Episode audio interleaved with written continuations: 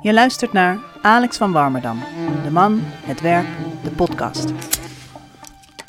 Een productie van iFilm Museum en VPRO Nooit meer slapen.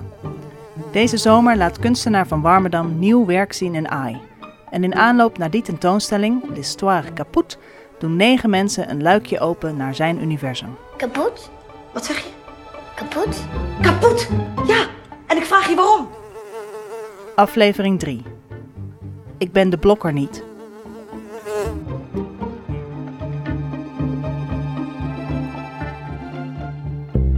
Ik eh, ken niemand in mijn leven zo lang als Alex en waar ik nog steeds mee vriend mee ben. 38 jaar is best lang. Annette Malherbe houdt helemaal niet van interviews. Maar ja, als er iemand kijk op Alex van Warmerdam heeft, dan is zij het wel. Dat beseft ze zelf ook wel. Ze is niet alleen de vrouw van, maar ook actrice in zijn theaterstukken en films en zijn casting director. Kijk, we kennen elkaar natuurlijk zo lang en zo goed. Dus dan zegt hij, weet je wel, toen we laatst in Turijn waren en toen die man daar liep, zo'n soort man. Weet je? Nou ja, dat, dat is heel duidelijk voor mij. En dan denk ik, oh ja, dat snap ik. Nou, dat heeft hij dan niet met een casting director die die man niet gezien heeft. Kleding ben ik ook erbij en kleding en make-up. Daar ben ik wel goed in, omdat ik dan ook weet wat hij wil. Maar hij kan het niet onder woorden brengen. En dan kom ik met een trui of een blouse of een jurk. Zegt hij, ja, nee, niet zo. Ik zeg, nee, niet deze jurk, maar dan hetzelfde. Dan wordt hij korter en dan wordt hij blauw in plaats van grijs. En dan halen we dat kraagje eraf.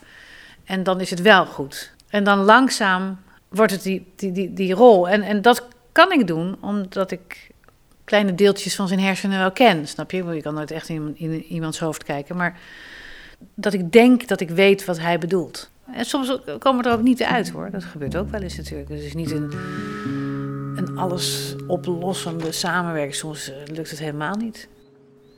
Hoe leef je samen met een man die de reputatie heeft lastig te zijn?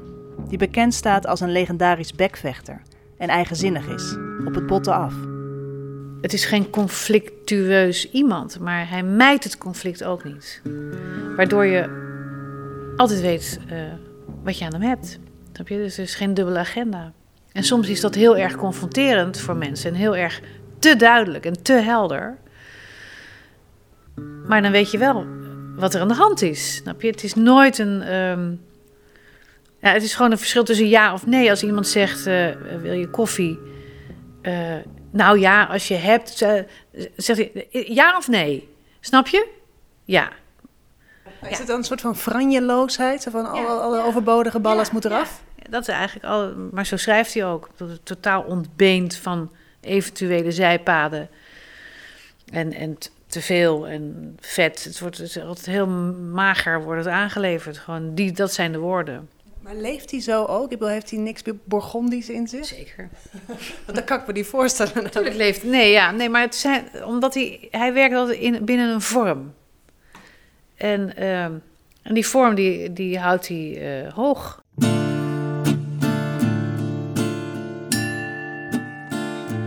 Wees voorzichtig op je Zal ik het voorlezen? Wees voorzichtig op je hoede. Bidden zal je, waken. Gooi vandaag geen stoelen om. Je zou een zieltje kunnen raken. Je zou een zieltje kunnen raken. Dat is een liedje uit, een, uh, uit de theatervoorstelling De Leugenbroeders uit 1988. Ik vind het heel mooi omdat je eigenlijk meteen op scherp wordt gezet. Dat je een, ja, in een beetje een grimmig universum terechtkomt. Maar het heeft ook iets heel teders. Die laatste zin, je zou een zieltje kunnen raken. Bijna van, want er slaapt een kind. Maak het kind niet wakker, zoiets. Wilma Suteu is kunsthistoricus. Ze werkt voor het Mondriaan Fonds, dat de tentoonstelling in iFilm Museum mede mogelijk maakt. Ze is een groot Alex van Warmerdam-kenner, want in 2010 ging al zijn werk al eens door haar handen. Toen ze met hem een grote overzichtstentoonstelling in Schiedam maakte. Het moet echt een monsterklus zijn geweest. Ik bedoel, om, om een keuze te maken, want je kan niet alles laten zien. Mm-hmm. Wat is de moeilijkste keuze die jullie toen hebben moeten maken? Hmm. Ja, ik vond het een fantastische wereld uh, om te verkennen. ik heb daar geen negatieve herinnering aan. Ik weet dat het soms eh, ook eh, in de samenwerking heel grillig was. Want eh, Alex is eh, een onwillige kunstenaar. Grillig en onwillig. Het hele woord kunstenaar uit den boze. Dat was een woord dat eigenlijk niet gebruikt mocht worden. Maar Alex legde het toen uit. Kijk, een schrijver schrijft, een acteur acteert, een tekenaar tekent, een schilder schildert, maar een kunstenaar die kunstenaart, wat de hel is dat? En op zich is het natuurlijk prachtig om, om zo eh, precies te zijn met taal. Maar eh, toch vond ik het woord kunstenaar wel op zijn plaats, omdat dat al die verschillende disciplines eigenlijk heel mooi eh, omvat in zijn geval. En ik heb, denk ik, ook in mijn openingswoord toen uiteindelijk tot besluit ook gezegd: Alex is niet alleen maar een kunstenaar, het is nog veel erger. Hij is een groot kunstenaar. Nou, ik vind kunstenaar een prima benaming. Dat is hij.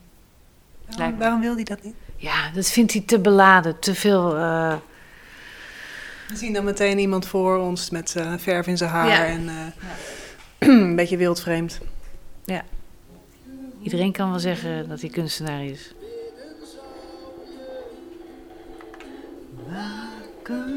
Dit zijn uh, de prenten uit NRC Handelsblad die we ingelijst hadden. Daar hadden we een paar hadden we heel groot uh, uitvergroot. En hier de jurk, ook natuurlijk een hele uh, bekende film van Alex. De stof die hij voor de jurk ook zelf ontworpen had. Dan zien we de schetsen en stukjes van de textiel. En dit is een van de wandschilderingen. Dus hij schilderde hier een meisje of een vrouw uh, op de muur uh, van een museumzaal met een schilderij in haar hand. Dus er is ook een soort drosten-effect. Dat is het eigenlijk ook. Je stapt in een wereld vol drosten-effecten. Je kijkt in een landschap met een, een dennenwoud en een, een meer waarin de dennenbomen zich spiegelen. Maar eigenlijk kijk je niet in dat landschap, maar naar een meisje dat dat schilderij voor je omhoog houdt. Ik ben ook heel benieuwd naar deze tentoonstelling, want hij daarvoor allemaal nieuw werk maakt. Het is natuurlijk een totaal andere genre tentoonstelling ja. eigenlijk. Maar... Ja, dat wordt denk ik een totaal andere tentoonstelling. Ik ben heel nieuwsgierig ook wat dat, uh, hoe dat gaat worden. Dat is wel heel veel hooi op een klein vorkje, ja. Het is een enorme tentoonstelling ja. die van nul af aan uit ja. de grond stamt. Ja, nou ja, en het is ook werk wat hij, allemaal nieuw werk wat hij maakt. En waar een kunstenaar eigenlijk een paar jaar over doet om te ontwikkelen. Want er zijn natuurlijk allemaal dingen die uh, ook bewegen. En, en dat moet hij in een paar maanden. Dus dat is uh, regelmatig uh, breekt de paniek uit, ja. En hij is ook ondertussen nog met die film ook bezig. Iedereen vraagt dingen van hem. Dat vraagt. En hij kan niet meer s'avonds werken. Vroeger werkte hij gewoon nog tot drie uur s'nachts in het atelier. Maar dat, dat gaat gewoon niet meer. Maar het is net zoals met, met schilderijen. Uh, hij gaat vaak te lang door aan een schilderij, waardoor hij het verpest. En dat is ook met werk gewoon niet. Zeg ik, als je het nu even niet weet met dat werk, dan moet je het even aan de kant zetten in plaats van dat je door blijft kloten en daardoor het verpest. Dus vaak kom ik in het atelier en zeg ik: stop, zet het weg. Zet het gewoon nu even een paar dagen weg.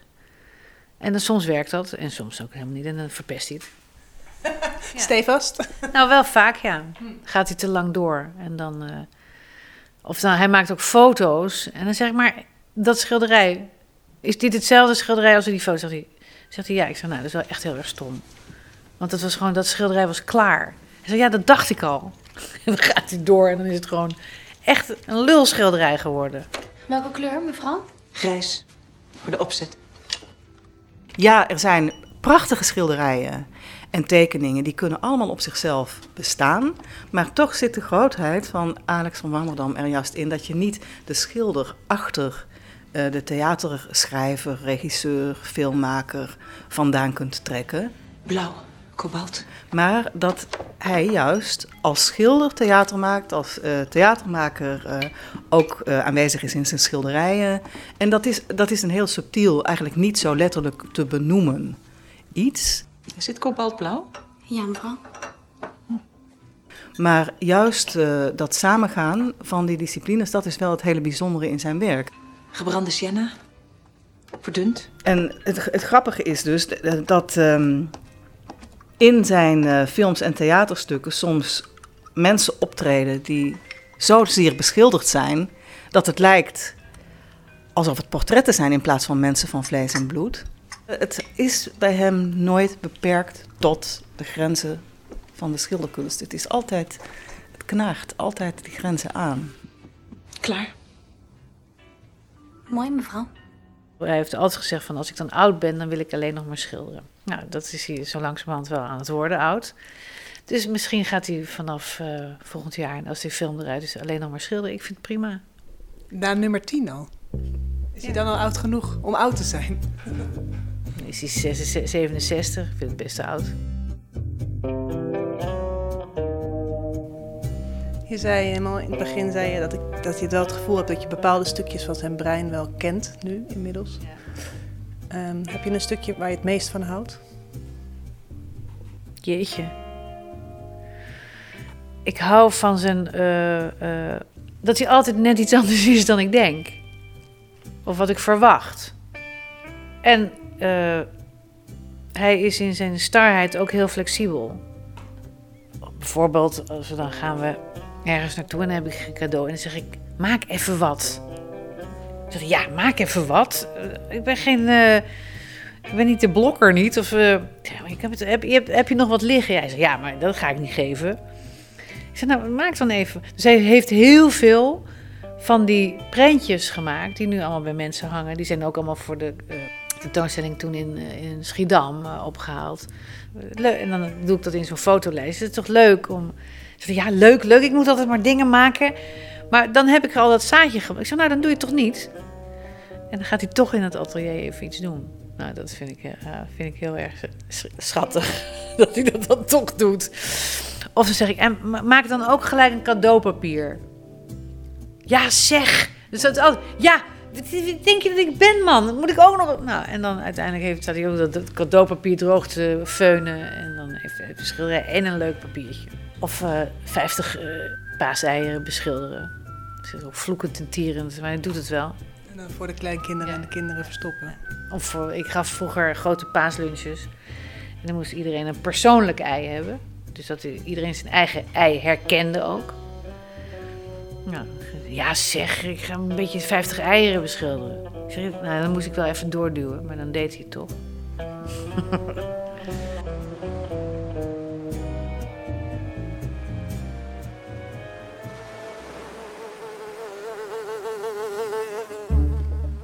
Dit was Alex van Warmerdam, De Man, Het Werk, de podcast. Een productie van iFilm Museum en VPRO Nooit meer slapen. De tentoonstelling L'Histoire Caput met nieuw werk van Alex van Warmerdam is vanaf 10 juni te zien in AI in Amsterdam. In deze aflevering hoorde je actrice Annette Malherbe en kunstkenner Wilma Suteu. De muziek kwam uit de film De Laatste Dagen van Emma Blank uit 2009 van de hand van Alex van Warmerdam zelf. En je hoorde een liedje uit de voorstelling De Leugenbroeders van de Mexicaanse hond uit 1988. Research, interview en montage door Eliane Meijer. Eindredactie Anne Moraal. Voor de hele serie kijk op www.vpro.nl slash Van Warmerdam podcast of op ifilm.nl slash Van Warmerdam.